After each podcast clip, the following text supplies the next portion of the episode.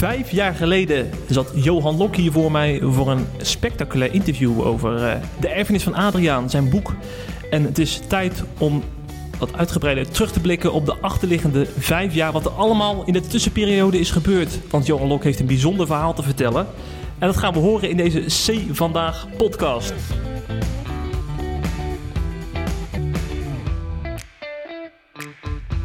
Johan, van harte welkom. Fijn dat je hier bent. Ja, dankjewel voor de uitnodiging. Ja, auteur van het boek De Erfenis van Adriaan. Uh, een roman voor de duidelijkheid, maar echt gebaseerd op uh, gebeurtenissen in een kerk in Rotterdam. Best wel heftige gebeurtenissen. Vandaar dat uh, het boek natuurlijk ook heel wat keren ook verkocht is. Hè? Ik volgens mij zo'n 2000 keer. Zeker, zeker. Ja, ja. ja, ja. veel christenen herkennen zich er ook in. maar die Adriaan, daar moeten we toch maar eens even mee beginnen, denk ik, Johan een alter ego van iemand die echt bestaat, heeft, bestaan, want hij leeft niet meer. Ja, zeker. Nee, dat is. Ik heb mijn boek op een bepaald moment wat meer fictiekarakter gegeven, omdat ik besefte dat ik eh, niet alles uh, had meegemaakt, echt letterlijk dat ik erbij ben geweest. En dat ik op een bepaald moment ook bepaalde interpretaties van gebeurtenissen ging toevoegen. Uh, want ik ben er ooit aan begonnen met het idee, nou, ik, ik schrijf gelijk even de letterlijke geschiedenis op. Maar dat is toch, een geschiedenisboek is toch wat anders dan een roman. En ik had behoefte om uh, de, de, emotie van wat ik en anderen toen hebben meegemaakt erin te leggen. Maar Adriaan heeft wel degelijk echt bestaan. Ja, ja, ja. ja. Uh, kun je eens wat meer vertellen over die Adriaan? Uh, wat kenmerkt die man zoal bijvoorbeeld? Als je het positief wil zeggen, was het een hele Bourgondische man. een beetje stevig van postuur en vrolijk en zelfverzekerd. En als je uh, met uh, de wetenschap van nu terugkijkt, denk je ja, het was een narcistische man. Erg lach om zijn eigen grappen en soms heel grof uit de hoek komen, mensen schofferen. Ehm, maar goed, hij combineerde dat met de allures van een voorganger. wat onder andere betekende, dat was ook echt zo, dat hij soms heel scherp dingen zag of leek te zien. Uh, en ja, langzamerhand gaat dat steeds meer aan zo iemand kleven van ja, als Adriaan het zegt, zal het toch wel waar zijn. Uh, daar komt nog eens bij dat ik in mijn boek beschrijf hoe in het begin een groep echtparen rondom hem uh, tot geloof komen en hem van het begin af aan als een soort gezagsdrager zien. Dus zij hebben hem ook in het zadel gebracht en in het zadel gehouden in de tientallen jaren daarna. Ze hadden ook een verbond gesloten, eh, las ik, hè? Ja, zeker. Dat is ook weer een verhaal met twee kanten. Enerzijds bijna ontroerend dat vijf echtparen uh, uh, zich zo loyaal naar elkaar opstellen en zeggen: wij gaan voor elkaars kinderen zorgen. Jouw problemen zijn mijn problemen. Uh, dat is mooi. Vriendschappen zijn mooi. En dit was een hele intense vriendschap. Maar achter ook, achteraf kijken, denk ik, het was ook een fuik voor die vijf echtparen en zeker voor die vijf mannen. Die, ja, die waren aan elkaar overgeleverd. Meer dan uh, aandeelhouders in een bedrijf. Ja, ja, ja. Nou, voor de duidelijkheid, is het misschien wel goed om te weten. We hebben het hier over een kerk. Uh, dat niet zomaar een klein kerkje ergens uh, op, een, op een achteraf uh, dorpje was. Maar dat had echt wel een groot bereik ook wel, hè? Ja, het is begonnen als een huisgemeente. Toen, ja. Dus toen was het wel een klein kerkje. Ja. toen gingen ze naar hun eerste zaaltje. Dat heeft ook jaren geduurd dat ze met amper 100 man samenkwamen. Maar op een bepaald moment zijn ze, is de gemeente naar Rotterdam verhuisd en kocht daar het gebouw aan de Nieuwe Binnenweg, waar mm -hmm. nu nog altijd een evangelische gemeente zit met een nieuwe naam en nieuw leiderschap en ook hoofdzakelijk nieuwe gemeenteleden. Maar in de jaren 80, zeg ik het goed? Ja, jaren 80 werd dat gebouw aangekocht. En dat was het begin van een spectaculaire groei. Uh, het loopt slecht af met deze gemeente. Dat zal de luisteraar ondertussen wel begrepen hebben. Maar op het hoogtepunt waren er meer dan duizend uh, leden. Zo. Ja, en ja. het was inderdaad ook landelijk bekend, omdat er een evangelische bioscoop aan vast zat en zo. Mm -hmm. En een van die duizend leden is natuurlijk uh, Laurens. Zo wordt hij tenminste in een boek genoemd. Ja, dat is mijn alter ego. Ja, precies. Ja. En um, dan is het toch wel typerend als je dan, als ik even naar ons eerdere interview verwijst, vijf jaar geleden, dat die Laurens dan, uh, uh, zeg maar, naar, naar, per se naar de Bijbelstudie moest op een doordeweekse avond, terwijl hij helemaal in Utrecht woonde. Ja, ja, ja. Ja, en dan is het wel grappig. Het was niet zo want die Laurens ben ik dus, Ja. dat er iemand was die belde en zei: Joh, het is dinsdagavond Bijbelstudie, je gaat toch wel? Ja, ik wist, ik wist dat dat een vanzelfsprekendheid was. En ik, ik dacht wel eens, pff, eh, weer eh, weet ik veel wat het toen kostte, 20 gulden van mijn eh, studentenbudgetje voor een treinkaartje. En eh, ik heb het eh, druk zat, eh, nou ook nog helemaal naar Rotterdam heen en weer. Maar ik deed het bijna elke week. Ik bedoel, als ik het echt heel, nou ja, een belangrijk tentamen had of zo, sloeg ik wel eens over. Maar dat was hoge uitzondering. Ja. Hm, hm. Dat, nou ja, dat is illustratief voor de trouw die wij aan de dag legden. En dat golft bijna voor al die duizend mensen. Ja. Als je lid was van de Kandelaargemeente, dan was je hondstrouw. Hmm, hmm. Ja. Wat was nou zeg maar het punt waarbij eh Laurens, jij, dus dacht van eh, hier, hier, klopt iets niet? Ehm, in mijn geval, ik, ik had een eh, leeftijdgenoot die had ook zijn twijfels en die waren veel geestelijker en theologischer van aard. Die had al heel jong het gevoel, deze gezagsstructuur klopt niet. Of eh, Adriaan heeft wel een hele bijzondere rol en kan ik dat zo wel in de Bijbel terugvinden. Nou, die kritiek, daar was ik helemaal niet aan toe. Ik was veel meer bezig met het besef dat ik in een soort bubbel leefde. En dat ik het gevoel had dat eh, de gewone wereld aan me voorbij ging. En inderdaad, het besef dat ik dinsdagavond eh, vanuit Utrecht naar Rotterdam reisde. Terwijl er dan in. Hè, ik was student, dus er waren echt wel leuke dingen te doen in Utrecht. Eh, en in de weekenden was ik ook al thuis. Dus ja, waarom deed ik dat eigenlijk? Nou ja, langzamerhand werd dat wel steeds meer een, een ergernis of een ongenoegen. Zonder dat ik daar echt handen en voeten aan kon geven. Want ja, de Kandelaargemeente die was boven alle discussie verheven. Dus ik, ik had het gevoel dat ik in een bubbel zat opgesloten. En ik had geen idee hoe ik dat op moest lossen. Ja, ja, ja. Die Adriaan die deed niet alleen maar eh, eh, hele geestelijke mooie dingen. Een man met een andere kant. Ja, dat kan je wel zeggen, ja. En die andere kant was soms wel zichtbaar in wat ik zei, zijn grofheid of zijn aaneens eh, verrassend onsympathieke manier om met mensen om te gaan. Of ineens een keihard oordeel uit te spreken. Eh, verder was in zeer kleine kring bekend dat hij een keer eh, was vreemd gegaan met een van de vrouwen van de gemeente. Ehm, en in de laatste jaren gingen soms geruchten dat er nog veel meer aan de hand was. Maar dat werd toch een beetje afgedaan door het grootste deel van de gemeente als roddel en als eh, geklaag van mensen die eh, weg waren gegaan en die een stok zochten om de hond mee te slaan. Eh, maar na de dood van Adriaan bleek dat die klagers en die roddelaars gewoon de waarheid hadden verteld. En dat het niet een klein beetje erger was dan we dachten, maar veel erger dan we wachten. En dat, die, dat er misbruik eh, en seksueel verkeer met tientallen vrouwen had plaatsgevonden. Zo. En dat was natuurlijk een enorme schok, want dat in onze mooie, door God gewilde gemeente, dat was bijna niet voor te stellen. Nee, nee, nee. Ja. Ik probeer me dat een beetje in te denken. En dan zit je dus elke zondag allemaal mooie liederen over God te zingen. En dan hoor je dit van de persoon die, eh, die, die kudde zeg maar leidde als herder. Ja, leidde inderdaad in de verleden tijd. Dus, Ja. Maar het, het eh, zet in één klap het hele verleden natuurlijk in een heel vreemd daglicht. En ook de positie van de nieuwe leiders stond ineens ter discussie. Want ja, die waren door hem opgevoed, eh, bijna letterlijk. En eh, in ieder geval in geestelijke zin door hem opgevoed. Dus de gemeenteleden dachten ineens: ja, als dit het erfgoed is waar wij deel van uitmaken, als dit de, de wortels zijn van deze gemeente, dan ja, dat gaat niet alleen over één man die zich misdragen heeft, maar dan zit er iets zieks in het hele concept. Dus ineens werd ook eh, de radicale trouw, die altijd van iedereen verwacht werd, eh, eh, werd ineens ter discussie gesteld. De theologie, waar de kandelaar omheen cirkelde, werd ter discussie gesteld. Was namelijk een zeer eh, eh, een theologie waarin de genade enorm benadrukt werd. En achteraf snap je wel dat Adriaan daar eh, zo naar keek, want die had veel genade nodig, zou je kunnen zeggen. Eh, nou ja, kortom, het, het was een kaartenhuis waar één kaart in begon te schuiven en toen donderden alle kaarten naar beneden. Zo, zo, ja. Dat is nou van die gemeente over dan?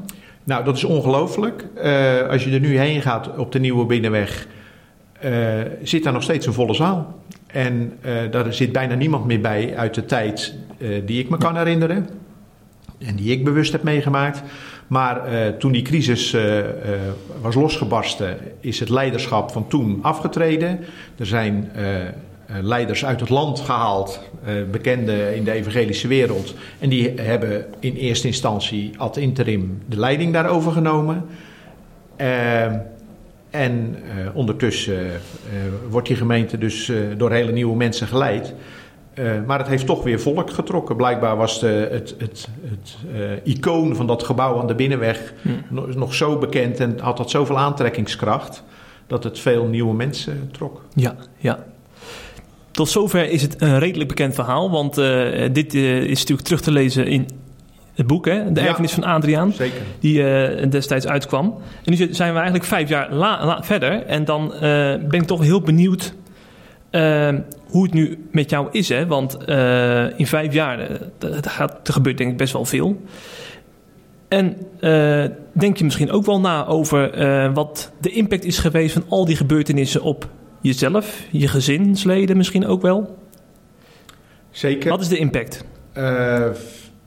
Het is voor de luisteraar wel even goed om te beseffen dat ik dat boek geschreven heb. Uh, bijna twintig jaar, of tenminste het is uitgekomen, bijna twintig jaar na de gebeurtenissen. Mm -hmm. uh, dus ondertussen zijn we nog verder. Dus we hebben het niet alleen over de afgelopen vijf jaar, maar over de afgelopen 25 ja. jaar, waarin uh, ik een ontwikkeling heb doorgemaakt. Ja. En als ik ik zeg, zeg ik ook mijn vrouw, want we hebben dat heel erg samen beleefd. Ehm, en dat begon dus in 1998 toen de boel ontplofte en wij ja, eigenlijk vrij snel besloten: oké, nu is het echt definitief, wij willen hier niet meer bij zijn. Uh, en dat was niet zo'n hele moeilijke beslissing, want honderden mensen tegelijk verlieten toen de gemeente. Uh, maar goed, dat was dus het begin uh, voor ons van een periode van: ja, wat willen we nu wel? Wat ja. geloven we nu wel? Uh, wat geloven we nu nog? En jij gebruikt het woord posttraumatische kerkstoornis. Klopt. En ik heb daar ook eh, in voorbereiding op dit gesprek over nagedacht. Ik, herken ik dat? Vind ik inderdaad dat ik, een, dat ik een traumatische ervaring achter de rug heb? Nou, ik denk dat ik daar in 98 wel ja op had gezegd. Want toen was de klap inderdaad enorm. We, we stonden te trillen op onze benen. Um, en het trauma eh, werkt in die zin door dat mijn vrouw en ik merkten in de jaren daarna... en dat hoorden we ook van heel veel andere oud-gemeenteleden... dat ons vermogen om in een evangelische kerk uh, te, uh, te, te, komen, om daar überhaupt te zijn, dat dat wel goed uh, naar de galamiezen was. Dat, dat konden we gewoon niet meer. En, en je probeerde het wel? we hebben het één of twee keer geprobeerd. Daarna zijn we, hebben we ook één of twee keer, of nog wel iets meer, een PKN-kerk bezocht. Ook een beetje met het oog op onze kinderen die toen nog jong waren. En we dachten, ja, we willen ze toch met het geloof opvoeden. Maar het voelde als een toneelstuk. Hm? dachten, ja, we, dit is, we doen dit. Nou, geen idee om welke redenen het we doen, maar die, die redenen deugen niet helemaal. Het is, uh, op een bepaald moment uh, werden de jongens wat ouder en hadden ze baantjes die ook op zondag uh, iets van hen verwachten. En toen hebben we het ja, bijna slappies uit onze handen laten mm. vallen. Omdat we gewoon geen enkele mening meer hadden over hoe we onze kinderen wel of niet met het geloof op wilden groeien. Wil, wilden laten groeien. Terwijl ik dat zeg, denk ik dat is niet helemaal waar. Ik denk dat het geloof in God in ons huis wel een rol speelde. Uh, op bepaalde manieren. Maar de, de, onze jongens uh, zullen niet klagen uh, dat ze te veel sturing van ons hebben gehad. Want dat mm. hebben we ze zeker niet meer gegeven. Want dat, die, die hadden we zelf niet meer in huis, die sturing. Mm. Over die stoornis heb ik wel na zitten denken. Dat ik dacht, ja, wat, wat, wat staat mensen zoals wij nou tegen op het moment dat ze in een kerk komen? Volgens mij in elke kerk, evangelisch, maar ook uh, in de traditionelere kerken, zijn er een paar dingen aan de hand. Er is een gevoel van eenheid. Uh, er is een bepaalde theologie en er is een bepaald gezag. Hè. Er zijn rollen, met name de predikant of de voorganger is natuurlijk een duidelijke rol. Die, en die geeft een beetje structuur. En er is, hoop je, uh, iets wat ik maar even aanwezigheid noem, hè, met een hoofdletter. God is er. Daar, daar, en dat kun je, salving noemen ze dat in de evangelische wereld. De gezalfde des Heren werd Adriaan toch ook uh, Ja, ja, precies. Dus die, ja. daar zie je al dat die dingen door elkaar lopen. Dat de voorganger en de zalving die van boven moet komen, dat die een beetje samenhangen. Uh, want dat is inderdaad echt zo'n evangelische uitdrukking. De gezalfde des Heren. En op het moment dat je een stap achteruit doet en met enige twijfel naar zo'n kerk gaat kijken, en die twijfel was bij ons al een paar jaar gaande, voorafgaand aan die crisis, dan gaan je ineens dingen opvallen. Die eenheid, daar ga je ineens de sociale dynamiek in zien. En je denkt, ja, het is eenheid, maar het is ook een groep populaire mensen met status en mensen die daar een beetje omheen cirkelen. Er zijn mensen waarvan je, klinkt heel onaardig, maar die worden gedoogd. En er zijn mensen, nou, die, als je die uh, navolgt, dan zit je op het goede spoor. In die uh, sociale dynamiek heeft de voorganger, in ons geval onze narcist Adriaan, nog eens een extra grote rol. daardoorheen loopt ook een theologie van bepaalde opvattingen. En toen we die stap achteruit deden, zagen we dat ineens. En dachten we, ja, wat is hier nou precies zo christelijk aan? Waar zit hier nou precies de hand van God nog in? Het is een sociale groep mensen met een sociale dynamiek, zoals je die in elk bedrijf eh, en gemeenschap aantreft. Uh, het is een man die iets te veel gezag heeft gekregen. En het is een theologie waar heel veel op afvalt te dingen. Want dat is voor elke theologie zo. Want de kerken zijn het wereldwijd nog steeds niet met elkaar eens. Over heel veel zaken. Dus toen we eruit uh, stapte, was dat een traumaatje in de zin van waar zijn onze zekerheden? Maar het, de geweldige ervaring die ik toen wel had en die ik van vele anderen ook heb gehoord, is dat er iets nieuws ontstond. Aan één sta je als mens alleen tegenover wat ik maar noem het mysterie. Is er überhaupt wel een God? Maar ja, we zijn hier. Wat ongelooflijk dat, dat we bestaan, dat er niets, dat er niet niets is. Uh, maar er is iets. En de Big Bang en evolutietheorie verklaart allemaal heel veel. Maar de, de, de oeroorsprong, het waarom, de levenskracht, de, de vreugde en dankbaarheid die je als mens soms kan ervaren.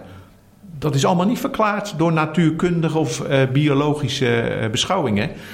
En met die verwondering liep ik rond.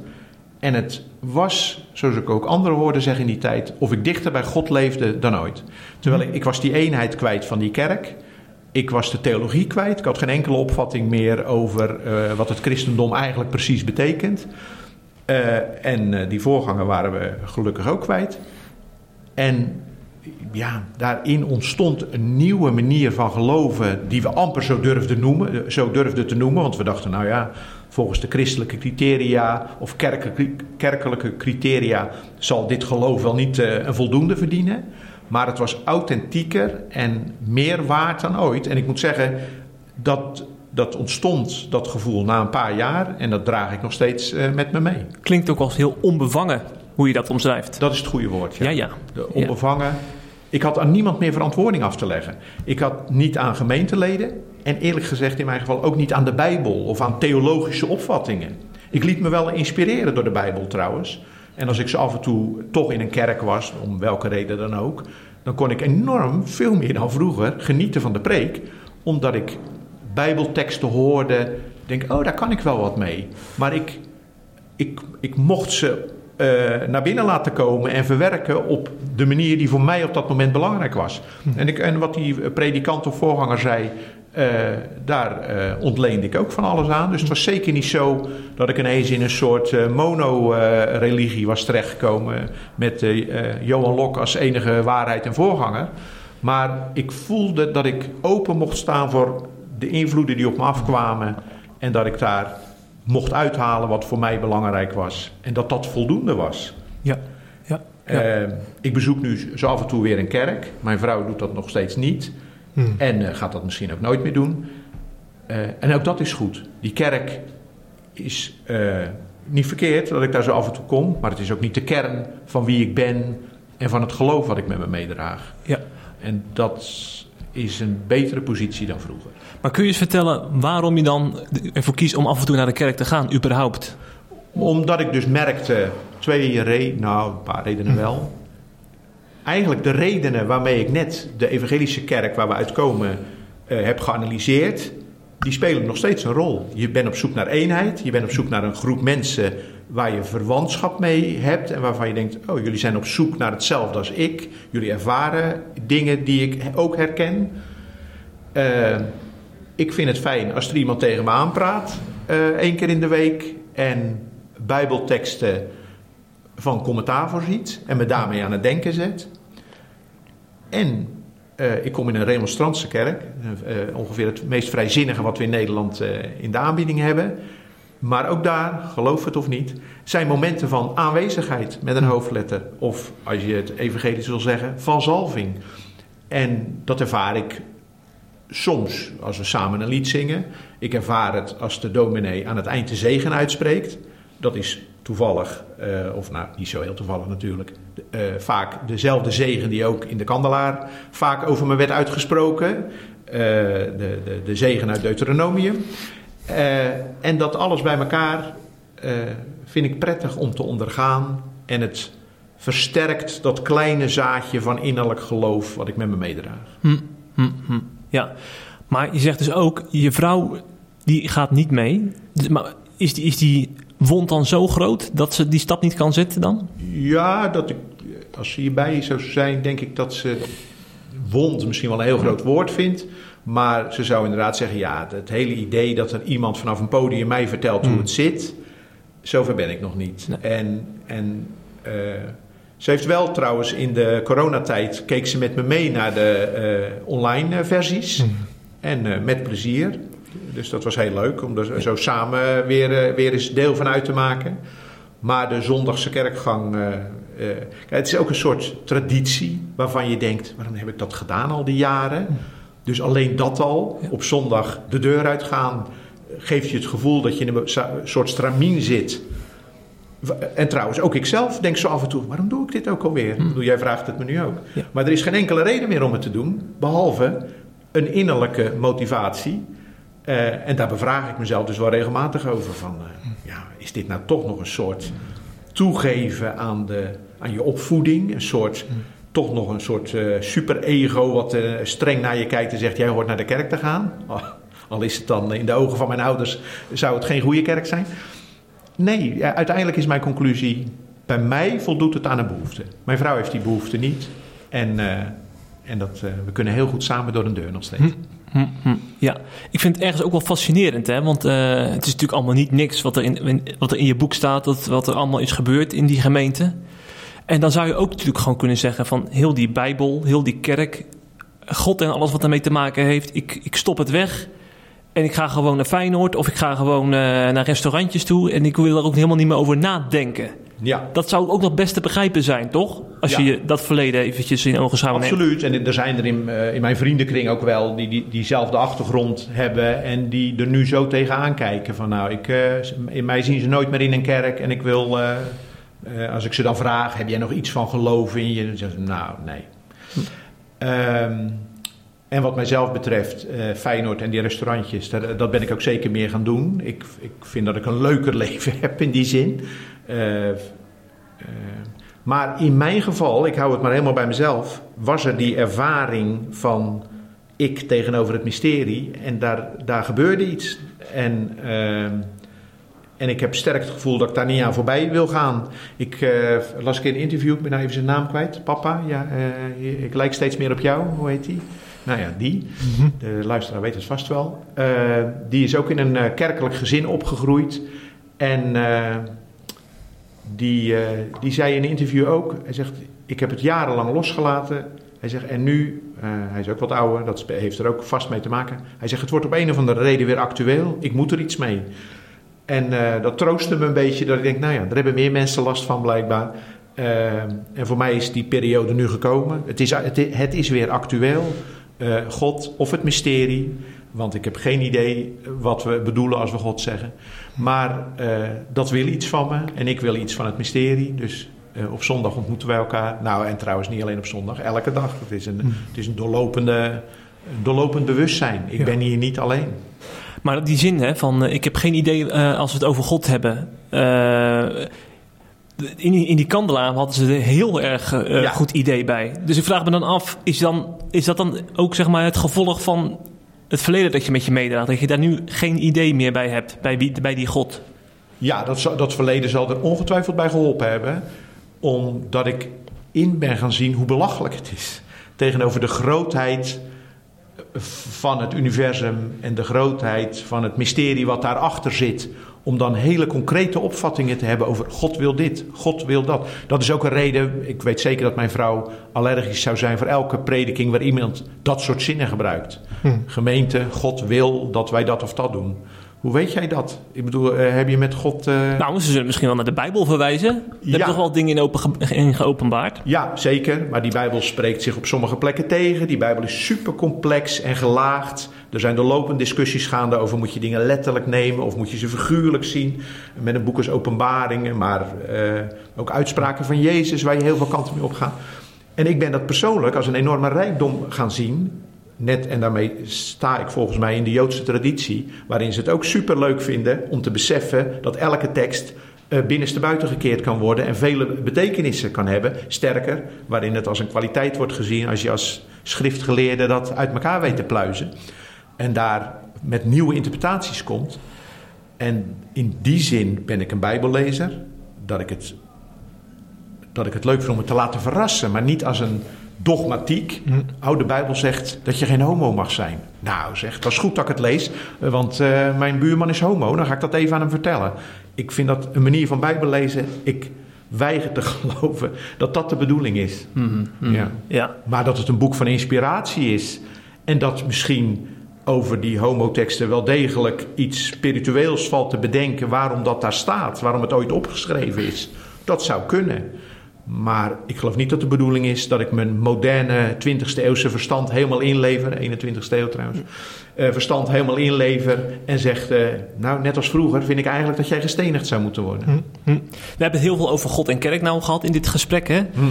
Maar wat is jouw dan idee bij, bij Jezus? Wat is natuurlijk uh, de kern van het geloof: hè? dat God zich in Jezus ooit geopenbaard heeft. Dat we hem moeten navolgen. Ja, ja, ja.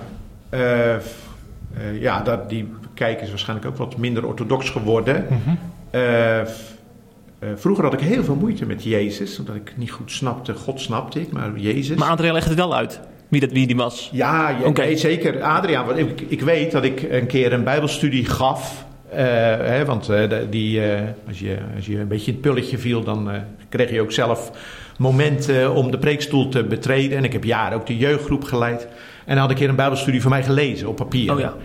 Uh, ik denk dat hij ook zo af en toe dingen beoordeelde. En toen zei hij tegen me: uh, uh, Ja, ik vind het niet zo'n slechte Bijbelstudie, maar de naam van Jezus komt er niet in voor. Hm. En hij had nog gelijk ook. Dus ik dacht: God, dat is inderdaad, dat zegt. toen was ik nog helemaal in de kandelaarsstramien. Ik dacht: Dat is wel stug dat ik dat doe. blijkbaar had ik meer met God dan met Jezus. Ik snapte dat hele concept niet goed. Hm. Nu is het misschien wel omgedraaid ik ben me, de tekst die voor mij heel veel is gaan betekenen is... Uh, niemand heeft ooit God gezien, maar de Zoon heeft hem geopenbaard. Sindsdien denk ik misschien dat de schrijver van deze tekst zelf ook dacht... Ja, of God nou bestaat, dat weten we eigenlijk niet. We hebben hem nooit gezien tenslotte. Waar hebben we het eigenlijk over? Maar Jezus, daar zijn de geleerden het wel redelijk over eens... de kans dat hij echt bestaan heeft is vrij groot... Of die echt uit de dood is opgestaan, nou, dat, dan wordt het al wat moeilijker. Maar uh, hij heeft bestaan en er zijn heel veel uh, teksten van hem overgeleverd waarvan je zou kunnen zeggen, nou, als God bestaat, dan wordt het weerspiegeld in deze taal, in deze gelijkenissen, in deze verhalen. En uh, in die zin ben ik Jezus gaan beschouwen als de persoon die meer dan wie dan ook God zichtbaar heeft gemaakt. Hm. En uh,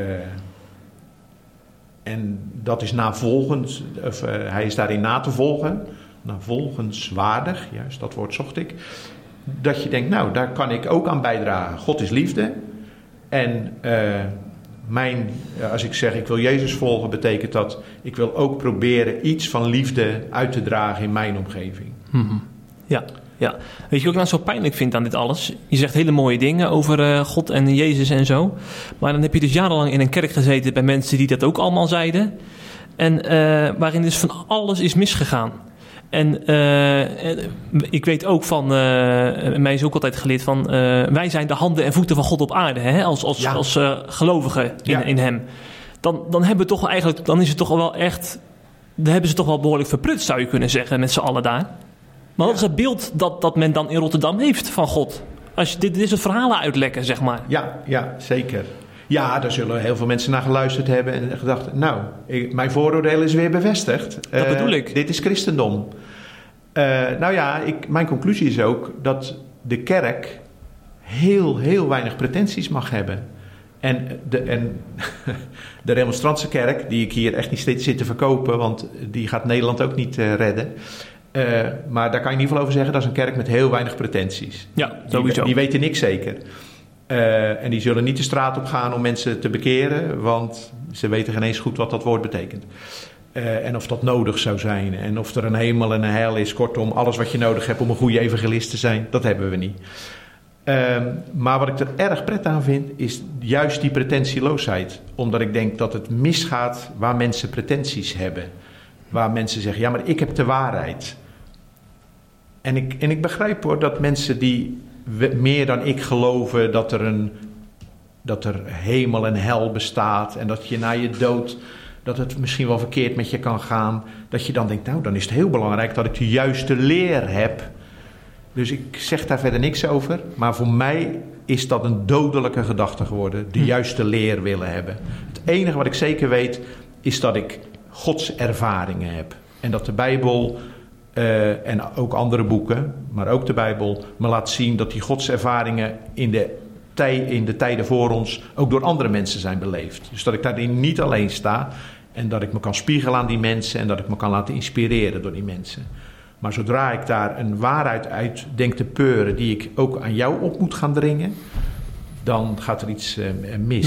Mm. Dus ja, slecht nieuws voor de kerken. De, de, de, de beste kerk is een kerk die zichzelf elke week weer opheft en dan op zondagmorgen weer voor een paar uur samenkomt. Ook niet waar wat ik nu zeg, want een goede kerk is ook een kerk waar mensen elkaar door de week ontmoeten, of voor elkaar zorgen, elkaars noden kennen. Uh, maar ja, we, pretentieloze kerken, die hebben we nodig. -hmm. Ja, aan het eind van dit gesprek wil ik eventjes uh, uh, naar een actueel voorbeeld want ehm, als we het dan over kerken hebben die, die het zwaar hebben, dan moet het ook naar Hillsong Church wijzen. Dat is een echt een wereldwijde kerk. Hè? Ooit begonnen in Australië onder leiding van Brian Houston. Ja. Overal hebben ze een kerk, ook in Nederland. En uh, afgelopen jaren achter elkaar vallen er leiders om. Hè? Want uh, uh, de een die heeft financieel heeft hij allemaal verkeerde dingen gedaan. met, met geld van de kerk is hij allemaal privé dingen gaan, gaan doen. De ander seksueel misbruik, noem, maar, noem maar op. En dat, het valt op dat heel veel leiders daar aan het omvallen zijn. Ja. Dus dat is eigenlijk, dan moest ik heel erg aan de erfenis van Adriaan denken. Ja. Want dat soort type leiders, die zijn er thuis ook dus heel veel te vinden. En um, ik vraag me dan af, hè, als, je dan, als je dan dat soort berichten leest, hè, want je volgt ook wel eens onze website en dan lees je wel eens ook over, over een, uh, een leider die, eh, die weer eens uh, valt. Roept dat dan ook momenten van herkenning op? Van oh, die, die maken nu hetzelfde mee als ik ooit heb meegemaakt? Ja, en ook wel, moet ik eerlijk toegeven, zeker cynisme. Hm. Zo van, nou ik, ik, wist niet wanneer het zou gebeuren, maar ik wist wel dat het zou gebeuren. Ik bedoel, mijn boek was net uit en toen was Willow Creek in het nieuws met oh, ja. Bill Hybels. Bill Hybels, ja. ja. ja, ja. Dus ja, het is, het is bijna voorspelbaar. En, en waar zit die voorspelbaarheid in volgens jou? Ja, daar heb ik over nagedacht. En dat heeft iets met die pretenties te maken. Die, die ijzeren eenheid van uh, dat ijzeren trio van we hebben een kerk en daar zijn we één met elkaar. We, we, wij horen bij elkaar. Er is één, misschien meer, maar er zijn een paar gezagsdragers die we heel serieus nemen. En er is een theologie, een bepaalde manier van denken over God en Jezus die we ook serieus nemen. Die drie dingen bij elkaar kunnen een soort absolute waarheid gaan vormen die zo sterk is dat er, nou ja, dat er geen zuurstof meer is. Dat, dat mensen er ook niet meer aan kunnen ontsnappen. En vooral die leiders, die worden dus gesteund door die eenheid. Want die hebben heel veel status in het clubje. Dus eh, nou, blijkbaar ben ik goed bezig. Want ik heb ja, er is geen gelijkwaardig leiderschap in dat soort kerken. Nee, de duidelijkheid. nee, nee ja. precies. Dat is... Hm. Uh, maar goed, laten er, uh, laten er vijf leiders zijn. Dat het een team is. Dan nog loop je het gevaar, want dan is er altijd wel een primus inter pares. Hè? Eentje die nog een beetje extra voorop loopt. Ja. Dus dat sterke leiderschap wordt versterkt door die juiste theologie. En het wordt versterkt door de, door de groep die zegt: ja, jullie zijn de leiders of jij bent de leider. Uh, is daar, een, daar is bijna geen ontsnappen aan, zou je zeggen. Dus als, je, als ik als, stel je het je voor dat Mozaïek of Hillsong of hoe al die kerken heten mij zouden vragen: wat vind jij daar nou van? Dan zou ik zeggen: haal die vanzelfsprekendheid van het leiderschap af. Uh, laat leiders roleren. Ik denk dat dat al enorm zou helpen als leiders van Hillsong uh, met enige regelmaat in de andere kerken uh, zijn. Dan raken ze in ieder geval die vanzelfsprekende plek in hun eigen kerk kwijt. En trouwens, waarom moeten ze elke week spreken? Er zijn zat mensen die uh, een goede preek kunnen houden en die andere dingen kunnen doen in een kerkdienst. Het is een heel misleidend idee dat er maar een handvol zouden zijn die daarvoor geschikt of aangewezen zijn.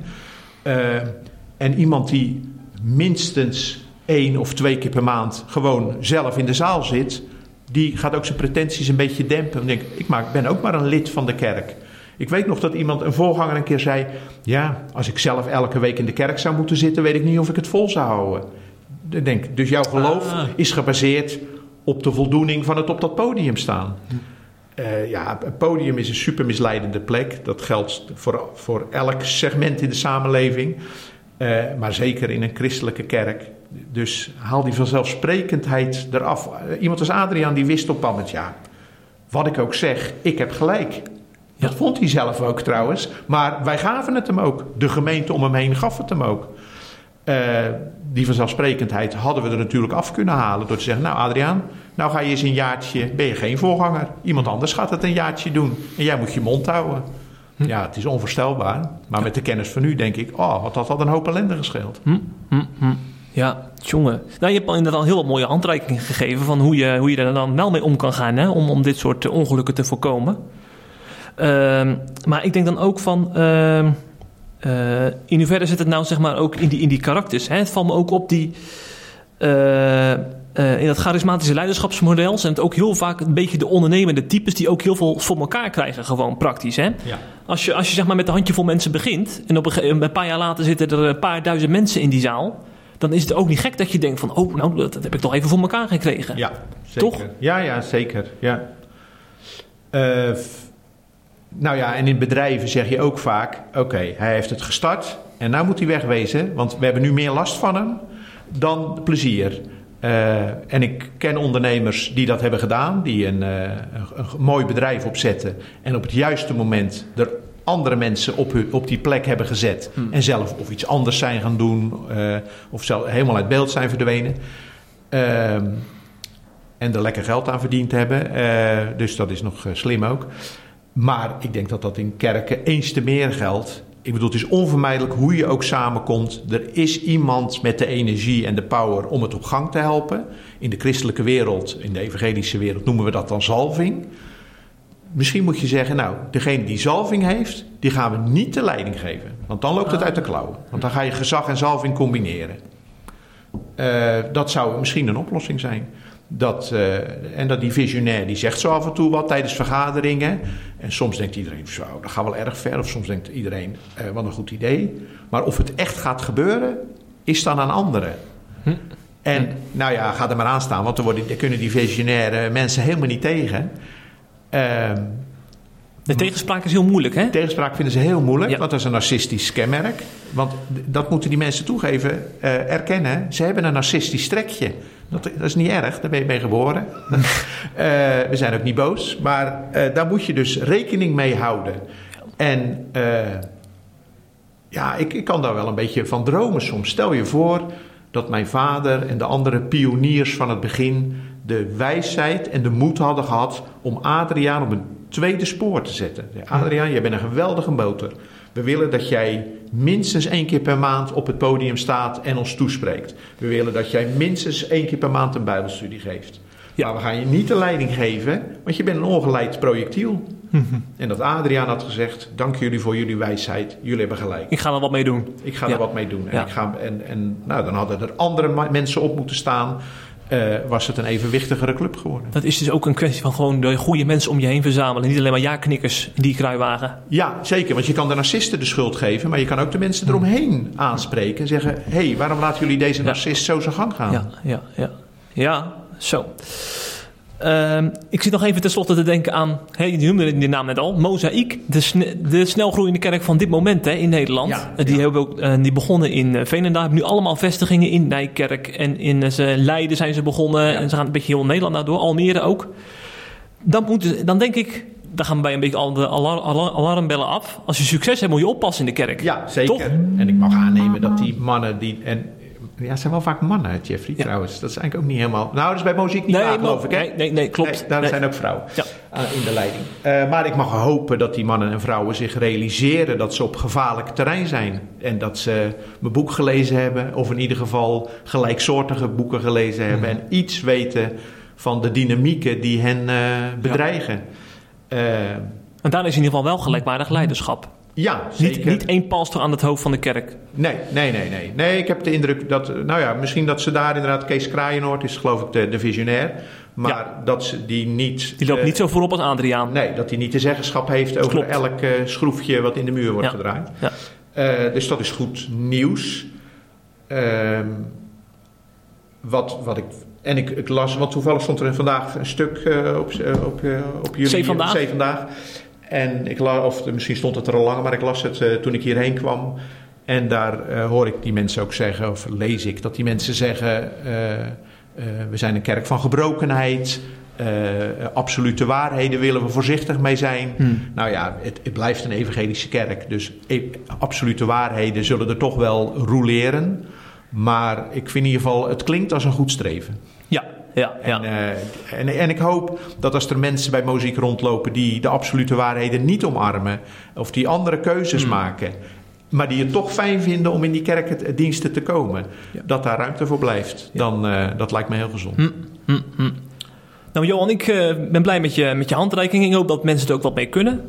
En eh, ehm, misschien ook juist een reden. Hè? Als, je, als je bijvoorbeeld eh, in, een, in een kerk bevindt die, eh, die veel bezig is met, met visie en met eh, eh, hè, wat willen we voor onze omgeving betekenen, dat je dan juist de erfenis van Adriaan tot je neemt om te kijken hoe het niet moet. Ja, ja zeker, zeker. Toch? Ja, dat lijkt me een heel goed advies. En nou ik toch even de kans krijg. Ja. Het lijkt me superleuk om in zo'n kerk eens een keer een spreekbeurt te mogen houden. Oh. Ik word nou uitgenodigd. Eh, bijna uitsluitend door vrijzinnige kerken. Want die lezen dat boek van mij en denken... nou, die jongen die, eh, Mm. Ja. eh, die is door van een heel vast geloof naar een twijfelgeloof gegaan. Nou, dan zit je bij ons goed. Meneer Lok, komt u maar een keer een preek van de leek houden... zoals ze dat dan daar Oh, noemen. ja, ja. Wat ik heel leuk vind om te doen. Maar ik zelf denk dat ik een geloof met me meedraag... wat veel minder vast omschreven is dan de gemiddelde evangelische kerk zou doen. Terwijl het toch wel heel veel overeenkomsten vertoont. Oké. Dus het lijkt me superleuk om dat verhaal eens te mogen delen in zo'n kerk. En ik ben ook heel nieuwsgierig om inderdaad bij kerken binnen te kijken van hoe gaat dat nou? Hoe gaan jullie hiermee om inderdaad Mhm. van, eh, Ja. eh, eh, met deze problematiek? Mhm. Dus ik vind wel, in die zin vind ik het wel jammer dat ik niet veel meer bij evangelische kerken over de vloer kom. Ja, ja, ja. Nou, er zijn er genoeg wat dat betreft, dus dat is het probleem niet. Ja, Ja, ja. Johan, bedankt voor je tijd. En eh, jij bedankt. wie weet eh, tot de volgende keer, want je, je zou dit soort gesprekken vaker kunnen voeren. Er is altijd wel een, een aanleiding hè, om eh, over leiderschap en, en kerk en, en, Ja. en voorgangers te praten. Maar hier gaan we een tijdje op kouwen. We gaan er eens even... De luisteraars doet er goed aan om, om dit eventjes te laten bezinken allemaal. En misschien ook door te geven aan, aan andere mensen. Hè? Dat, ik, ik bedoel, ik, ik ben maar gewoon een kerkganger. Maar ik denk ook dat kerkleiders die hier heel veel aan kunnen hebben, vooral ook. Hè? Want eh, zij staan uiteindelijk aan het roer. Ja, ik, ben, ik ben maar een kleine pion in het grote geheel. ja Of niet? of jij bent een van die eh, pionnen die zijn mond zo af en toe open moet Ja. als daar Ja, een noodzaak toe is. Een les van jouw verhaal, inderdaad. Dus, ja. eh, Niet stilzitten als er iets ik, gaande ik hoor in het bedrijfsleven wel eens mensen die zeggen... de macht ligt helemaal niet bo in de, in de Hmm.